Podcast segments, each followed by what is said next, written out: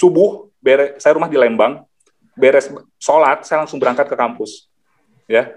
Gerbang gedungnya belum dibuka. Apa pas dibuka langsung masuk itu masih sepi belum ada anak-anak. Kan ada 12 ruangan tuh di gedung ATS Iya. kita di lorong gedung ATS ada 12 kelas tuh.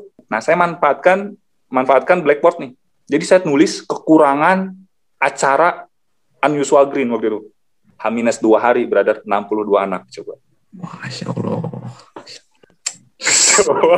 Merinding, merinding Kang. 62 anak coba. Alhamdulillah beres ya. Pihak yayasan nanya, Gi gimana? Alhamdulillah Bu, ada 62. Oh Alhamdulillah tuh syukur. Oke. So, nanti H-1 ke yayasan. Siap Bu, ke yayasan nih bro. H-1. Kamu tahu nggak? "Ah, kenapa Pak? Saya nggak ngizin acara kalian. Lah, kenapa Pak? Kalian tahu siapa backup yang punya yayasan ini? Nggak bisa. Oke, saya kasih waktu kamu sampai jam eh, 10 malam. Kalau emang nggak ada kabar, kita cancel. Mana seorang Anggia yang selama udah semi, apa, sebulan itu terus nyemangatin kita? Masa kayak gini aja nyerah? Halo, Assalamualaikum warahmatullahi wabarakatuh Selamat datang di Handal Podcast Studio Podcast yang membahas seputar dunia teknik sipil Insya Allah kami bakal upload, update, posting, ya pokoknya itulah setiap seminggu sekali. Betul sekali, mantap Jadi selamat mendengarkan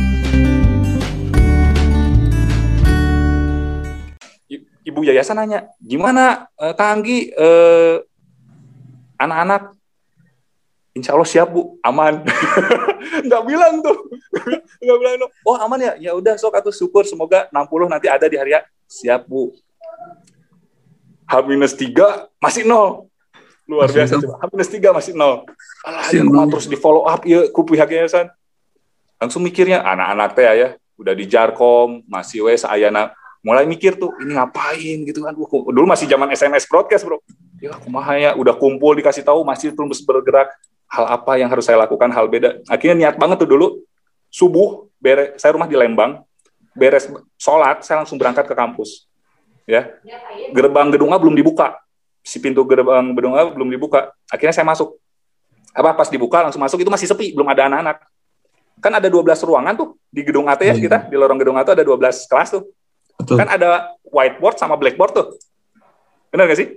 Ya ada Nah, backboard. kan biasanya dosen itu kebanyakan di whiteboard. Sedangkan blackboard ini kosong. Nah saya manfaatkan manfaatkan blackboard nih.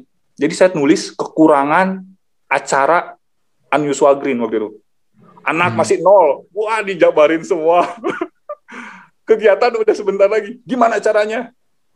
Dan benar berdampak brother. Pas kuliah udah mulai masuk kelas SMS langsung pada masuk Gi bener. Eh, belum belum semua. Oke langsung bergerak. Hari itu juga semua anak angkatan. Sampai ada yang ngetuk dari satu pintu ke pintu ada yang diumumin lewat toa masjid. Wah luar biasa. H dua hari brother 62 anak coba. Masya Allah. Merinding, merinding Kang. 62 anak coba.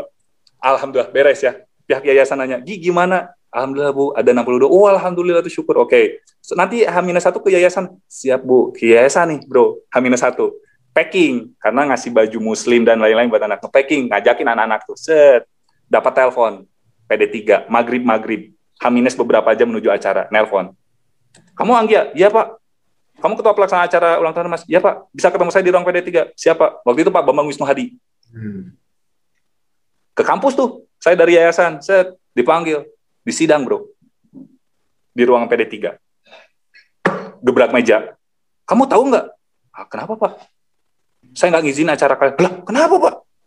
Kalian tahu siapa backup yang punya yayasan ini? Jadi ada bapak ini mencium berbau politik bro. Hmm. jadi yang punya yayasan ini emang apa ya orang gagal wali kota waktu itunya. Takutnya jadi kampanye. Ya saya nggak tahu ya. Siapa yang punya yayasan saya nggak tahu. Saya nggak ngizinin pokoknya acara di cancel besok. Udah kamu pulang. Wah nego-nego nggak bisa. Saya saya saya nggak izinkan. Balik ke yayasan bro. Coba muka saya udah murung di situ. Diem ya. Saya belum ngomong apa pun. Diem aja ya. Diem. Anak-anak 2010 ada yang ngomong. Si Vika waktu itu inget kenapa Gi? katanya. Ada masalah. Maghrib maghrib tuh.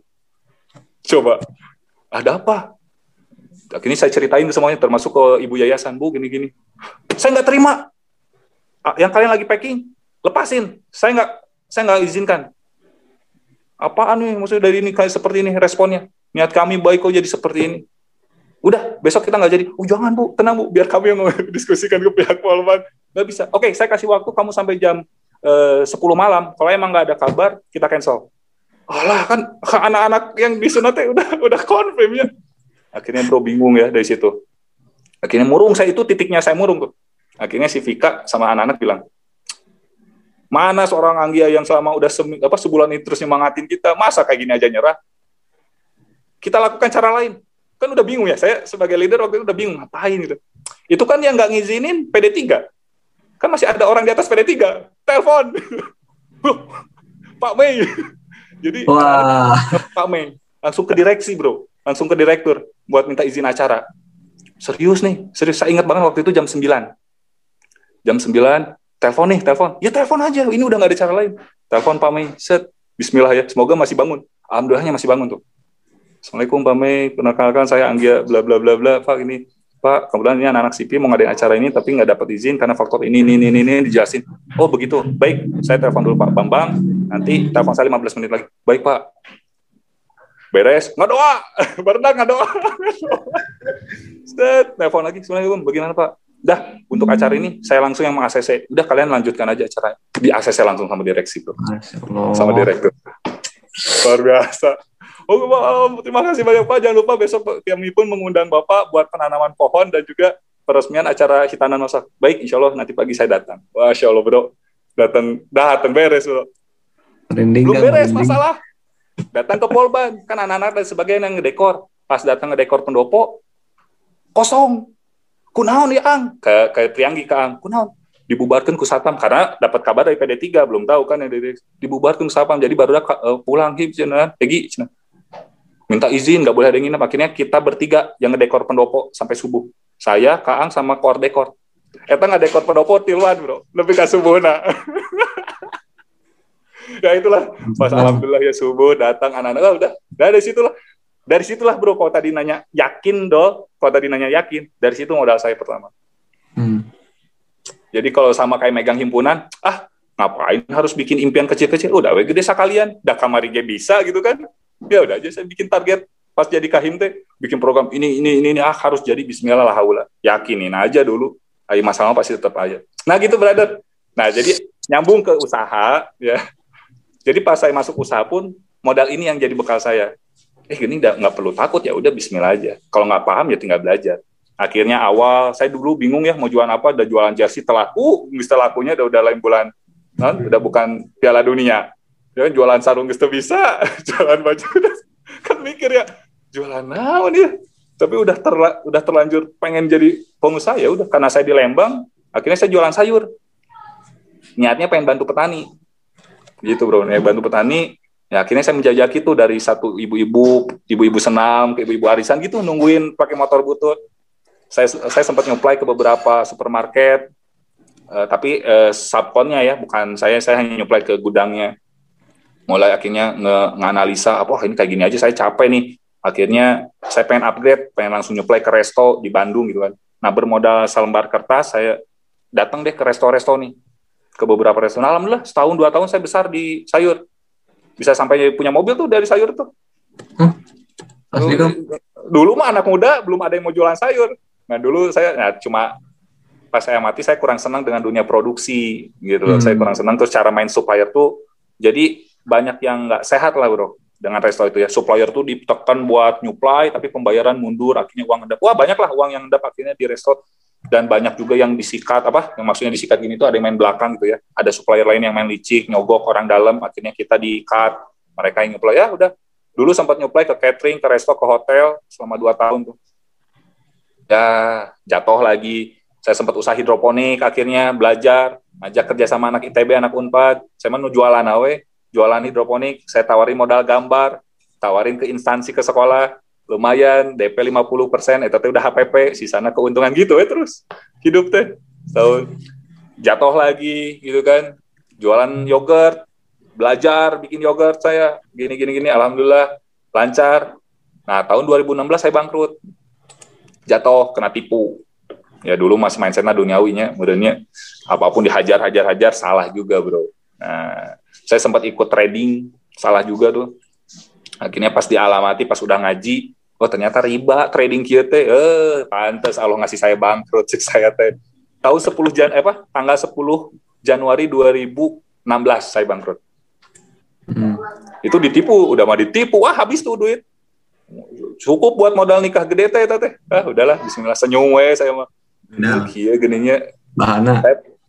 saya maksudnya saya termasuk orang yang jadi kena korban bangkrut berarti oh calon orang sukses saya tuh berarti gitu bro mindset mindsetnya. Oh berarti saya itu calon orang sukses. Hajar aja Bismillah. Nah mulai up- apa upgrade relasi gabung dengan komunitas bisnis gabung dari sana sana sini. Saya sempat jualan kue momentum lebaran ada relasi dari komunitas. Nah dari jualan kue saya punya keuntungan 5 juta. Dan di tahun 2016 juga saya dikasih nikah. Dari modal kue 5 juta Kang, boleh sedikit ini nggak kang modal kang modal nikah berapa? nah kan kan pasti ini mah bro nih percaya nggak percaya nih bro dulu saya modal nikah cuma sejuta bro Tuh bah bisa bah. Nah, ini yang ngomong tuh suka emang ini nggak mengakui. Kok bisa kan sejuta? Nah, gitu tuh. Makanya ini mah lah ya, ini mah balik lagi. Saya pun terkadang suka percaya nggak percaya, tapi ya perlu yakin sih. Saya waktu itu dapat keuntungan kue 5 juta. 2 juta saya beli mahar. Saya benar-benar mahar, alhamdulillahnya ke saya seadanya banget. Tapi alhamdulillah istri saya masih mau nih. 2 juta mahar. 1 juta waktu itu eh, kebetulan nenek saya sakit, keluar. Sisa 2 juta tuh. Kan mikir ya, 2 juta cukup apa buat nikah. Karena waktu itu kebetulan alhamdulillahnya saya taruh dulu satu bulan kenal di bulan itu juga saya nikah saya ajak lamar langsung gitu loh kan modal 2 juta nih bro alah 2 juta ya udahlah saya mah akad hunkul we udah saya mah udah ngilangin gengsi lah udah. Datang ke mertua ke Sukabumi bu mah bla bla bla jelasin. Oh enggak mama mah pengennya ada acara meskipun sederhana. Ah kumaha tuh udah teboga duit atunya kumaha tuh ya teh aduh. Ah, modal nekat aja Bismillah lah ula minggu selanjutnya kebetulan isi waktu itu kerja di Karawang. Eh, udah ketemu yuk tentuin. So kamu ada waktu kosong kapan? Saya lamar tanggal 4 Agustus saya nikah tanggal 28 Agustus. Ah lahul aja Bismillah. Ya tadi bro. Modal 2 juta kan? Aduh kumahanya ah udah Bismillah weh. Buka minta doa anak yatim weh. Sejuta keluar buat doa bersama. Sejuta doa bersama. Doain Kak Agi mau nikah. Saya punya adik-adik asuh di Jabal 165 di Ciwaruga udah dari tahun 2010 jadi akhirnya doain ya Agi mau nikah. Nanti kalau emang lancar saya undang kalian datang ke nikahan saya. Ya Kang didoain bro modal satu juta sampai progres 80 persen bro. Sampai progres 80 persen. Gedung alhamdulillah cuma bayar kebersihan. Saya do, da, alhamdulillah dapat rezeki gedung nikah di tengah kota Bandung di daerah Pangdam eh, Siliwangi. Dapat gedung didinya. Ya dapat catering kemudahan bisa bayar mundur. Ya terus bisa dekor dapat murah dan lain-lain. Saya nego dulu. Ke WO jeung dekor teh dah Kang dapat saya dapat kasih harga spesial saya bantu jualin lah jasanya. Saya yakinkan ketika beres nikah saya pasti bakal dapat satu klien minimal. Bener ya dapat alhamdulillah bro. Ada yang support apa support eh, kasih video kasih apa dan lain wah alhamdulillah. Dari situ ternyata ada uang amplop kan tuh di nikahan teh? Ya kan? Ada uang amplop. Nominal uang amplop pas pernikahan itu pas dengan nominal uang yang harus saya bayar ke catering coba nikah weh, udah alhamdulillah batakna ya udah dari situ saya mulai eh, tahun 2015 ngerintis bi- bisnis pariwisata event organizer. Udah aja terus jalanin. Sampai sekarang alhamdulillah bertahan. 2020 lagi puncak-puncaknya tuh 2020 awal saya dapat proyek terbesar. Saya bawa proyek senilai setengah m. Dulu lagi nikmat-nikmatnya, bro lagi panen-panennya tuh tiga tahun berjuang bisnis pari- pariwisata. Eh, Maret kena pandemi. Berjuang deh dari awal. Jadi tahun ini saya kayak kayak mulai lagi dari nol. Jadi kalau caranya Allah tuh indah gitu. Maksudnya 2021 ini eh, diuji dengan dengan secara lembut gitu loh. Gitu, brother. Dua tahun terakhir saya aktif juga di Hai Berbagi karena saya juga udah senang dengan kegiatan sosial ya udah aja. Ya gitu, brother panjang tuh ya saya cerita. Ya, Dan tuh mancing sih. Iya, tapi ini banget Karena sih. ceritanya terputus, bro.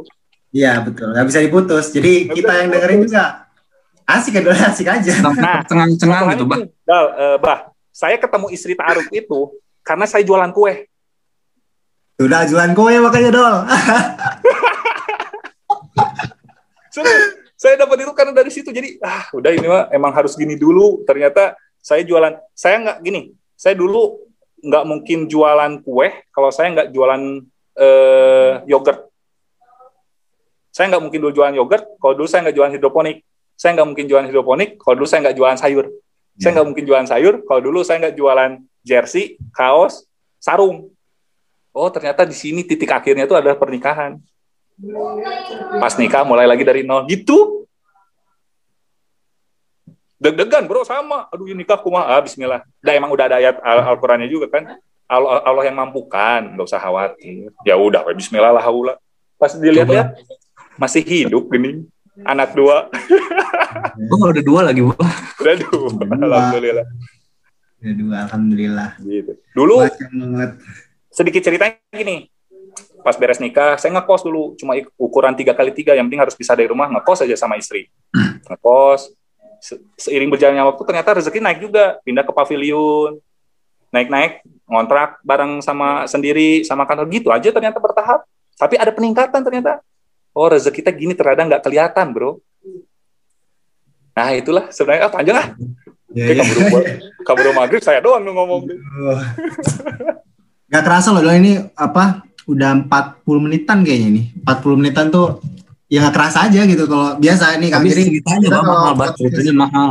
Iya, jadi kalau podcast eh, handal tuh ada satu ya ada yang kerasa, ada pemateri yang kerasa banget gitu kan. Ada yang nggak kerasa tahu-tahu kok udah 40 menit, udah mau sejam gitu. Nah, ini termasuk yang banyak speechlessnya sih Dol ya. Ini berapa kali kita banyak speechless berarti Dol ya.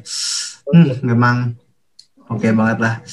Nah, terus eh, tadi sih kalau yang saya dapat ya, Kang.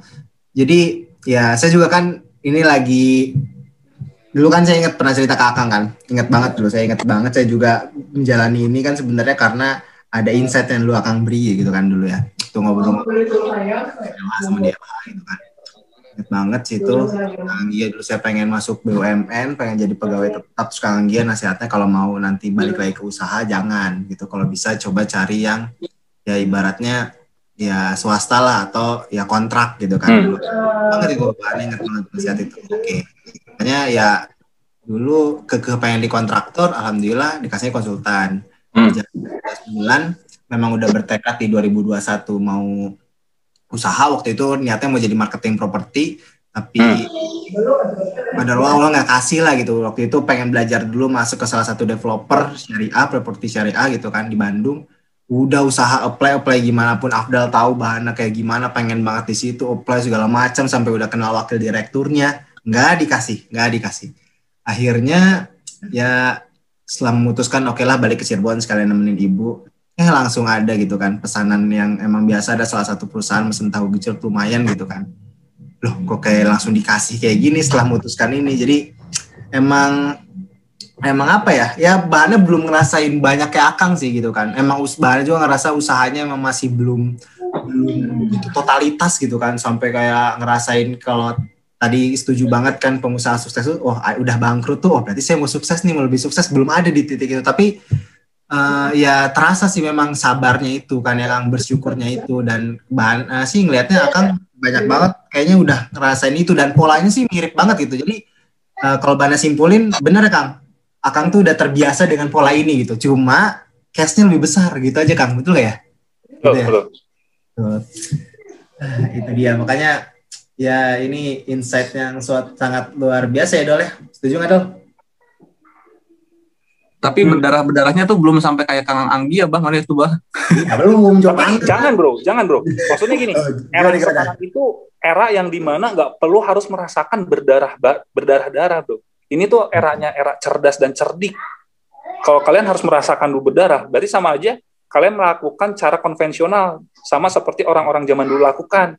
Sekarang tuh eranya kita learning by experience. Nah, experience-nya kita belajar dari orang yang udah melakukan apa yang harus kita lakukan, apa yang nggak boleh. Di situlah percepatan istilahnya. Nah, makanya era sekarang tuh banyak banyak startup atau banyak pengusaha tuh yang suka sekarang tuh era kolaborasi, sinergi, bro. Hmm. Udah bukan lagi one man show sekarang bisnis itu. Jadi bisnis sekarang tuh ada bisnis yang berjamaah. Sebenarnya ya kalau kita balik lagi dengan Islam, Islam tuh udah ngajarin ini semua dari awal sebetulnya. Iya. Cuma Hmm. selama ini kita tuh nggak diarahkan ke sana gitu. Jadi sistem ini tuh kayak membuat kita untuk menjauh dari apa yang Islam ajarkan.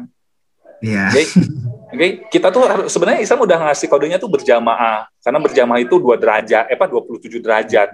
Sedangkan sendiri cuma satu. Udah jelas banget, ya. Hmm. Satu sendi satu sholat sendiri itu satu derajat. Cuma nambah satu itu langsung 27 nggak jatuhnya dua gitu loh.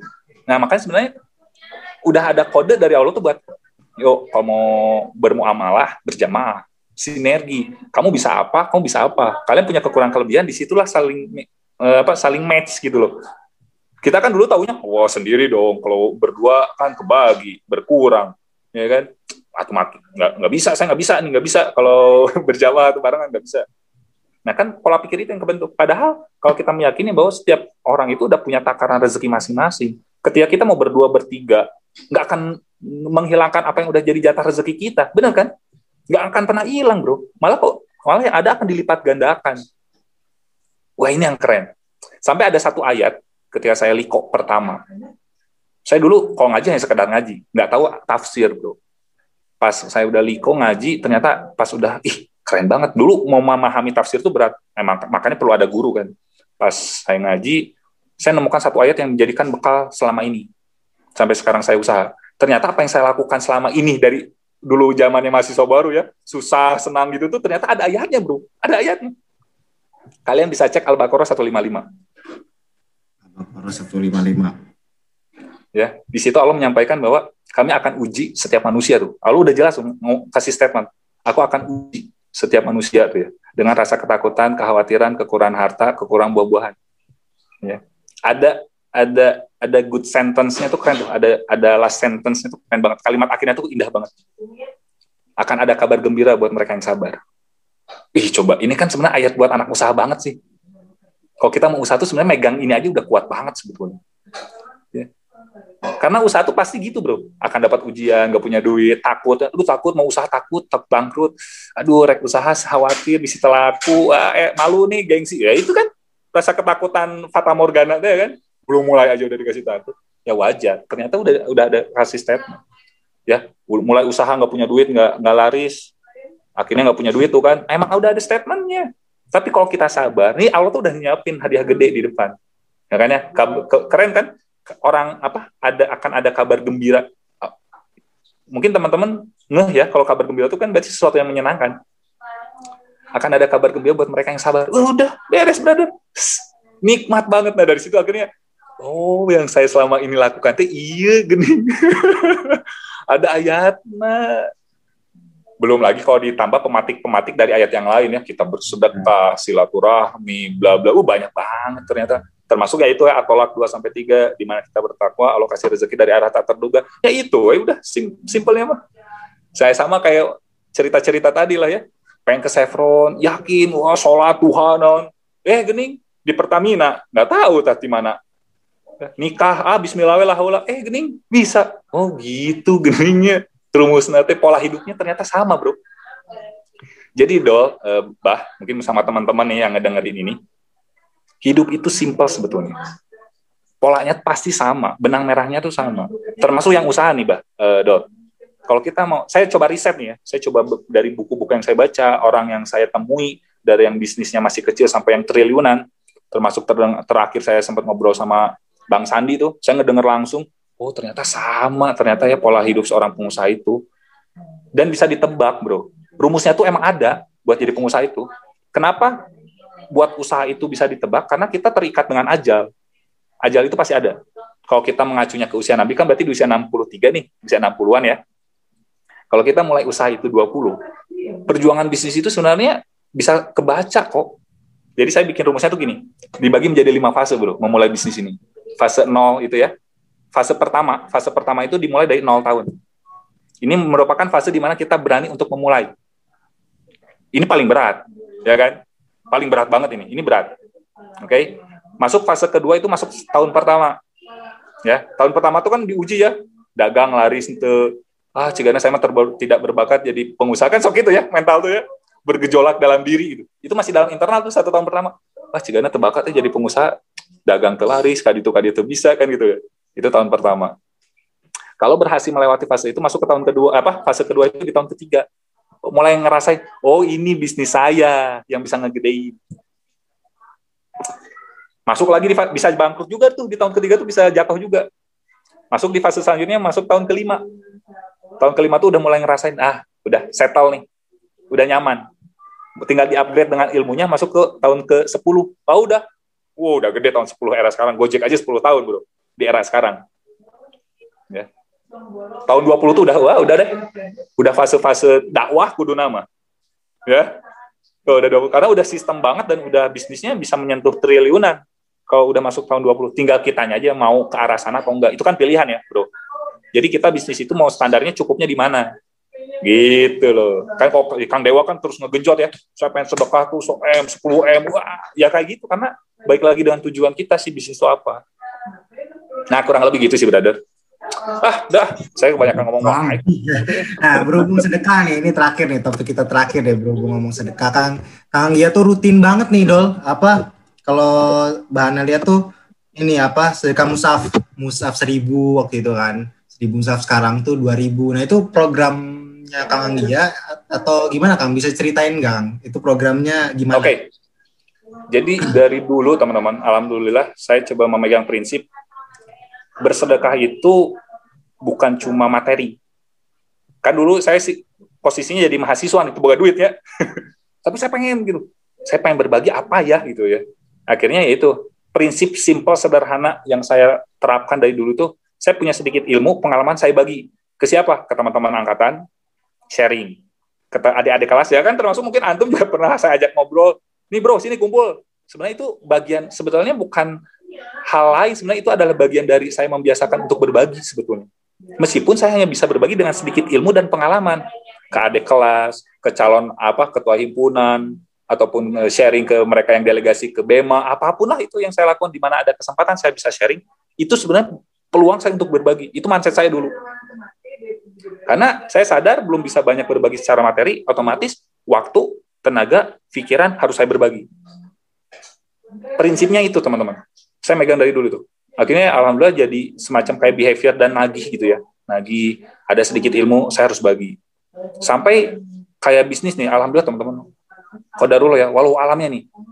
Saya nggak banyak belajar tentang bisnis, tapi kok kayak yang dikasih paham sama Allah gitu. Saya yakin ini Allah yang kasih gitu.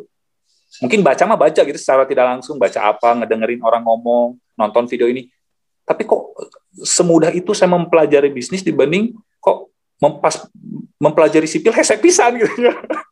mempelajari sipil kok susah sekali. Oh mungkin karena akhirnya ya pas mulai ada pengalaman di bisnis, ada sedikit pengalaman sharing ke anak-anak SMK, ada sedikit pengalaman sharing ke teman-teman yang membutuhkan. Meskipun hanya ilmu hal sepele, tapi ya udah saya mampunya baru segini ya. Hal itulah yang saya lakukan akhirnya saya bikin Hayu Berbagi, akhirnya gerakan yang selama ini saya lakukan, ah, udah deh, kenapa nggak saya bikin Hayu Berbagi nih? Ternyata eh, seru juga gitu kan. Karena waktu itu saya usaha di pariwisata, travel, saya pun dulu pernah bikin satu impian, pengen ngajak main anak-anak panti, anak-anak yatim. Keinget banget tuh, saya punya itu di dreambook saya, saya tulis pengen ngajak main anak-anak yatim. Alhamdulillah baru terrealisasi itu tahun 2019, Allah titipkan tuh, sedikit amanah dan rezeki. Main lah, ajak main mereka ke Dufan. Rutin eh seneng ya ada ada satu kepuasan ngeliat mereka ketawa seru. Kali baru pertama ya kang baru pertama kali seru kang. Sampai ada satu momen di mana ada anak yatim belum pernah naik bis dia nggak mau turun dari bis coba. Ya allah berarti ya. Ah, oke akhirnya mulai saya ngerasa juga kayaknya yang kayak gini teman-teman saya juga butuh nah mulai saya ngajakin ke teman-teman dulu di 2010 dulu nih Wah ternyata respon positif dari teman-teman 2010. Wah Gi, thank you banget nih udah memfasilitasi, udah menginspirasi untuk berbuat baik. Jangan lupa diingetin, ah ternyata bersambut baik hal-hal kayak gini tuh. Terkadang mereka tuh pengen tapi nggak tahu harus ke mana. Ah ya udah deh, saya fasilitasi itu. Akhirnya nah dari situ ada keinginan untuk muncul mengembangkan si berbagi. Akhirnya sekarang ya mohon doanya juga nih dari teman-teman. Saya lagi coba, sebenarnya ini kalau yang musaf itu bagian dari program sebetulnya, bagian dari program. Saya coba berpikirnya gini, program apa yang bisa berdampak amal jariah. Nah gitu loh. Kenapa saya senang sama anak yatim? Karena saya bercita-cita ketika saya meninggal, saya pengen didoain sama ribuan bahkan jutaan anak yatim. Saya punya impian ke sana teman-teman. Amin amin. Disolatin gitu kan, meskipun cuma sholat goib, didoain. Gue suka Anggi meninggal. Serempak ribuan anak yatim itu mendoakan ataupun menyolakan. Siapa yang nggak mau ya? Siapa tahu itu yang bisa membukakan pintu surga kita. Kan itu satu strategi tuh ngelakuin itu. Iya, Yang kedua, saya mikir lagi amal jariah apa yang bisa di, eh, apa dimanfaatkan. Oh, amal jariah Mustafa ya dari ngedengar Ustadz Adi Hidayat. Eh, Musaf, kok kalian mau aja? Wah benar, oke, yaudah buka, ajak aja teman-teman. Toh ke anak-anak yatim juga mereka suka menghafalkan. Ah, kan lumayan juga nih. Jadi amal jariah juga. Yes, saya sih berharap jadi dapat duanya. Yang menyalurkan, yang mengumpulkan, yang mendonasikan juga udah. Semoga dapat nak itu, bro, cita-citanya. Nah, sekarang mohon doanya juga. Saya sekarang lagi mengarahkan Hayu Berbagi ini eh, mencoba ke arah yang lebih profesional. Lagi saya coba arahkan jadi berbentuk satu yayasan biar lebih trust juga kan. Terus juga lagi coba saya masukkan ke arah digitalisasinya juga. Mohon doanya teman-teman. Insya Allah. Saya pasti bakal merangkul adik-adik sipil, teman-teman sipil untuk bisa bantu Berbagi ke depan. Kurang lebih gitu, brother. Ah, kepanjangan wae. Saya kok udah ngomong kayak gitu. Oke, saya berhenti. Oke, tapi ya eh, kalau kami sih nangkep ya Kang ini apa? eh, berarti ini kan salah satu program dari Hayu Berbagi itu berbagi musyaf, mushaf, mushaf, mushaf, berbagi mushaf dan setuju banget. Mbak Ana juga pernah dengar sih waktu eh, Ustadz Adi bilang gitu kalau mau jariah dan ini benar-benar sampai ya jariahnya plus plus plus banget lah ya itu bagi mushaf gitu. Jadi ini juga ajakan juga ya, ya Kang Anggia ya, buat teman-teman yang dengar, buat kami juga yang sebagai moderator gitu.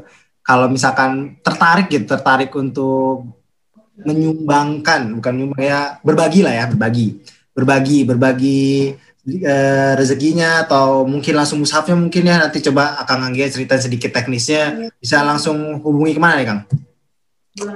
eh bisa hubungi langsung ke kontak saya juga nggak masalah ya bisa di IG Anggia Tresma juga boleh mau ke Bahana juga nggak masalah mau ke Ya, April juga betul. mangga saya sih terbuka banget lah ke teman-teman terus ada satu bro ada satu hal lagi nih ini Boleh, ya boleh. Saya, saya tersenyum sampai sekarang nih. dulu pas bikin pertama program Musaf itu saya cuma mikirnya gini 100 aja gitu ya biasa juga mikir kapasitas ya tapi asa kagum masa buat kebaikan cuma 100 ah Bismillah lah ulah seribu meskipun bingung ya bisa ribu di mana deh Wah deg-degan oke, ah bismillah aja lah ulah. Ya tadi bro, alhamdulillah ternyata tercapai. Seribu itu kurang lebih hanya dalam waktu 3 sampai 4 bulan. Dan responnya positif kata saya. Masya Allah. Nah tahun ini saya matangin lagi. Ah, tongkat bok 10 ribu cek saya teh selama ya deg-degan oke nya. Selama itu kan ada ada kelas atau ini, Kang, iya ngejar 10 ribu dari mana? Yang penting mah niat dulu weh. Ya, siapa tahu pas saya meninggal aja apa ajal datang tapi niatnya udah 10 ribu kan Eh, udah tercatatnya gitu kan. Bismillah 10 ribu. Kodarullah, brother. Nggak kerasa. Sampai sekarang mungkin kurang lebih udah hampir mau menginjak ke angka 4 ribu. Udah 40 persen coba. Yang meskipun dulu tuh, ih, di mana 10 ribunya? Hampir hampir 4 ribu. Coba.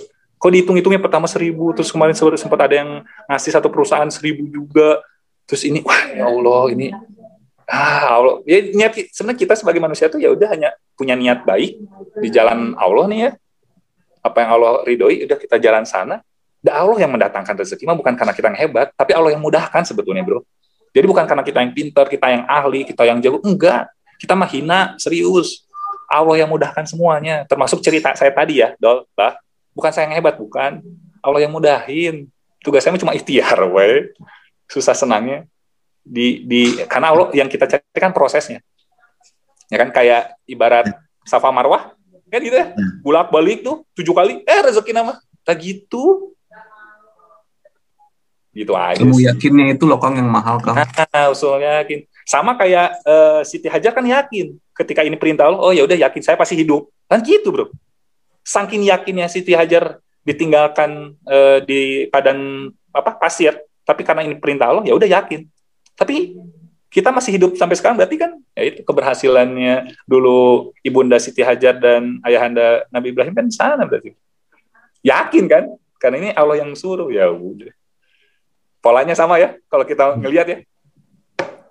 Gitu tuh. So buat teman-teman nih, buat Bahana sama Abdul Musa, go ahead aja bro. Nggak usah ngelihat, nggak apa-apa teman-teman yang udah berkarir di BUMN, nggak masalah. Itu jalannya. Saling mendoakan sih sukses suatu saat. Semoga kita lebih sukses kan gitu. gitu bro. Ya, betul banget ya. Ah, ini kalau waktu masih ada sih kayaknya langsung dilanjut lagi dulu. Tapi ini bentar lagi azan berkumandang ya. Ini nggak kerasa banget sih ini. Hitung-hitung kultum ini bah. Iya, bukan kultum. eh, cool ya pokoknya lebih lah Ada satu nih bro, saya boleh nggak Hmm. nitip satu pesan boleh boleh Kang. buat Bahana, buat Afdol dan buat teman-teman yang lain. Dan saya pun ini lagi terus saya terapkan dalam diri saya. Saya belajar dari eh, Ustadz Hari Santosa. Saya belajar tentang fitrah base. Jadi segala sesuatu hidup ini harus balik lagi dengan fitrah kita. Makanya saya saya ngerasa saya punya fitrah itu di bisnis. Makanya saya senang bro. Saya punya fitrah itu di SDM. Makanya saya senang. Saya punya fitrah ternyata senang bicara. Ternyata saya senang gitu. Dan coba pahami kalian pun harus memahami fitrah kalian itu apa. Jadi kita harus meyakini satu, setiap manusia, insan manusia di bumi ini tuh punya tugasnya masing-masing. Dan semua tuh nggak sama. Ada yang dilahirkan sebagai dokter, ya, ada yang dilahirkan sebagai engineer, ada yang dilahirkan sebagai motivator, ada yang dilahirkan sebagai trainer, apa pun itu. Secara fitrah. Oke. Setiap orang tuh udah punya bawaannya masing-masing. Tinggal kita menempatkannya di mana. Tapi kita harus mencari. Kan kebanyakan orang tuh punya fitrah, tapi karena faktor A atau B akhirnya jadi PNS. Padahal dia nggak suka jadi PNS. Kan gitu. Banyak yang kayak gitu ya, bro. Yang pengen Iya. jadi usaha, tapi kerja, akhirnya kerja, usahanya akhirnya nggak nggak terbangun. Karena nggak sesuai dengan fitrah. Akhirnya hidupnya nggak nyaman. Nah, ngomong-ngomong tentang fitrah, ataupun hidup manusia, yang saya pelajari kayak gini. Selama ini, sistem yang ada mengarahkan kita untuk berpikir secara visi. Benar nggak? Visi kamu apa? Visi kamu terus aja visi, visi, visi, dan visi. Ternyata salah, bro. Bukan salah sih sebenarnya. Ternyata tertukar. Ada yang terlupakan sebelum visi itu masih ada lagi. Ada purpose dan ada mission. Jadi saya ada istilahnya itu kalau dari usaha itu, the purpose of life will guide you. The mission of life will drive you. And the vision of life aspire to you. Maksudnya apa? Kalau saya nanya nih sama bro-bro di sini, purpose kita apa sih sebagai manusia, bro? Hmm, hmm, purpose-nya beribadah berdakwah Iya Kang. Just it, right? Kita mah sebagai muslim tuh bersyukur karena kita udah di guide sama Al-Quran bahwa tujuan hidup kita di sini adalah ibadah. Hmm. Jadi khalifah. Ya kan gitu. Satu ibadah, yang kedua jadi khalifah. Maksudnya apa nih? Segala sesuatu yang kita lakukan di bumi ini, di dunia ini, usahakan lillahi ta'ala, karena Allah nih, untuk ibadah. Kita kuliah, kita kerja, kita usaha, niatnya untuk ibadah. It- itu purpose. Jadi ada maksud tujuan. Oke, selanjutnya setelah kita udah paham purpose kita apa untuk ibadah, kita lanjut ke mission. Mission kita apa? Kita harus membangun peran peradaban. Ini yang namanya mission, tugas kita. Oke, membangun peradaban, bro. Ngambil peran kita. Ini tugas kita di bumi ini. Oke. Nah, setelah mission itu ada vision baru. Nah, vision itu yang sifatnya tadi pengen kaya, pengen punya ini, punya itu, bla bla. Itu vision, itu visi sebetulnya. Tapi, nah ada tapi, visi ini harus relate dengan misi. Akhirnya saya resume nih ya, ada kesimpulannya kayak gini. Ada dua kalimatnya kayak gini. Ketika ada seseorang yang berhasil mencapai visinya, tapi tidak berhasil menyelesaikan misi ataupun tugasnya di dunia, dia termasuk orang yang gagal. Contoh, kan banyak orang yang bercita-cita pengen kaya, tapi kan banyak juga tuh, ya, yang kaya-kaya apakah dia benar kayanya? Korupsi dan lain-lain itu kan, itu visinya tercapai. Dia pengen jadi pengusaha, tapi pengusahanya kayak gimana sih? Ya kan? Nah, ada statement terakhirnya kayak gini. Kalau ada seseorang yang berhasil menyelesaikan misinya ataupun tugasnya di dunia ini, tapi tidak mencapai visinya, dia termasuk orang yang berhasil. Di situlah husnul khotimah. Contohnya, ada seorang ustadz ngajarin tiap hari ngaji di kampungnya. Tiap hari ngajarin ngaji tuh, ya kan? Dia ngambil peran, ya udah saya mah pengen jadi pendakwah aja. Ngajarin ngaji itu, guru ngaji di setiap harinya di kampungnya. Kalau ditanya, dia punya visi, punya, punya cita-cita apa? Pengen umroh, pengen haji, benar kan? Tapi karena keterbatasan ekonomi, akhirnya dia nggak bisa umroh haji. Keburu meninggal dalam kondisi ngajarin anak ngaji. Husnul khotimah nggak bro? Iya, Husnul khotimah. insya Allah. Tapi kita jangan milih dua-duanya itu. Kita milih yang di mana caranya visi misi kita ini sesuai dengan purpose-nya. Ya, Apa yang kita jalani di sini itu sesuai dengan apa yang Allah perintahkan, misinya apa, visinya apa. Jadi relate di situ ada kenyamanan hidup berada. Kita pengen jadi pengusaha untuk apa sih? Tujuannya apa? Untuk ibadah, untuk bla bla bla. Niatin ke sana. Kita harus ngambil peran sebagai peran peradabannya apa nih misi kita? Hai, mulai masuk ke sana. Gitu. Nah itulah sedikit apa ya penutup dari saya teman-teman. Jadi Ya. jangan kebalik, tentukan dulu purpose-nya apa, misinya apa, baru vision. Karena di barat di sana tuh kan gitu ya banyak orang yang sukses tapi mereka nggak tahu tujuan hidup mereka apa. Akhirnya banyak yang bunuh diri, banyak yang nggak bahagia. Nah itu kita sebagai muslim itu eh, udah bisa ngerasain karena kita tahu tujuan kita apa. Gitu. Ujiannya Kang Dewa tuh lebih berat, bro. Ya, oh itu luar biasa. Saya belum tentu mampu. Wah gitu, makanya wah keren. Makanya saya ngeliat eh, Kang Dewa ini luar biasa banget. Ujiannya udah bukan lagi soal material udah sempat soal nyawa, kan gitu loh. Belum tentu kita mas sanggup dong. gitu. Oke gitu ah. Ya, betul. Ah, Panjang ini mah. Tapi terima kasih banyak Kang untuk waktunya ya. Terima kasih sudah sudah menemani kami ya Handal Studio di sini di Handal Podcast ya Dol ya. Alhamdulillah nggak kerasa udah sejam lebih ini bisa jadi dua dua chapter nih dua chapter ini apa eh, episode kali ini mungkin lebih lah ya nanti nanti orang atur atur lah adalah Oke eh, untuk eh, Afdal eh, terima kasih untuk waktunya kita berdua ya Dol terima kasih sudah juga bang. kan sebelum pulang kerja. Kang Anggia juga sekali lagi terima kasih Kang. Terima kasih eh, untuk waktunya. Eh, semoga sehat, selalu gitu. Juga buat, eh, keluarga. Mohon maaf nih ya kalau saya terlalu banyak bicara. Gak apa-apa, apa-apa. Memang tujuannya banyak bicara Ini kan. namanya spesial Ramadan Kang. Iya, spesial Ramadan, spesial Ramadan nih.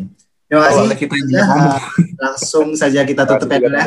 Langsung saja kita tutup. Terima kasih untuk para pendengar setia Handal Podcast, Handal Studio. Semoga teman-teman mendapatkan selalu mendapatkan insight seperti biasa dan jangan lupa update terus podcast kami seperti biasa. Terima kasih. Wassalamualaikum warahmatullahi wabarakatuh. Waalaikumsalam warahmatullahi. Thank you brother.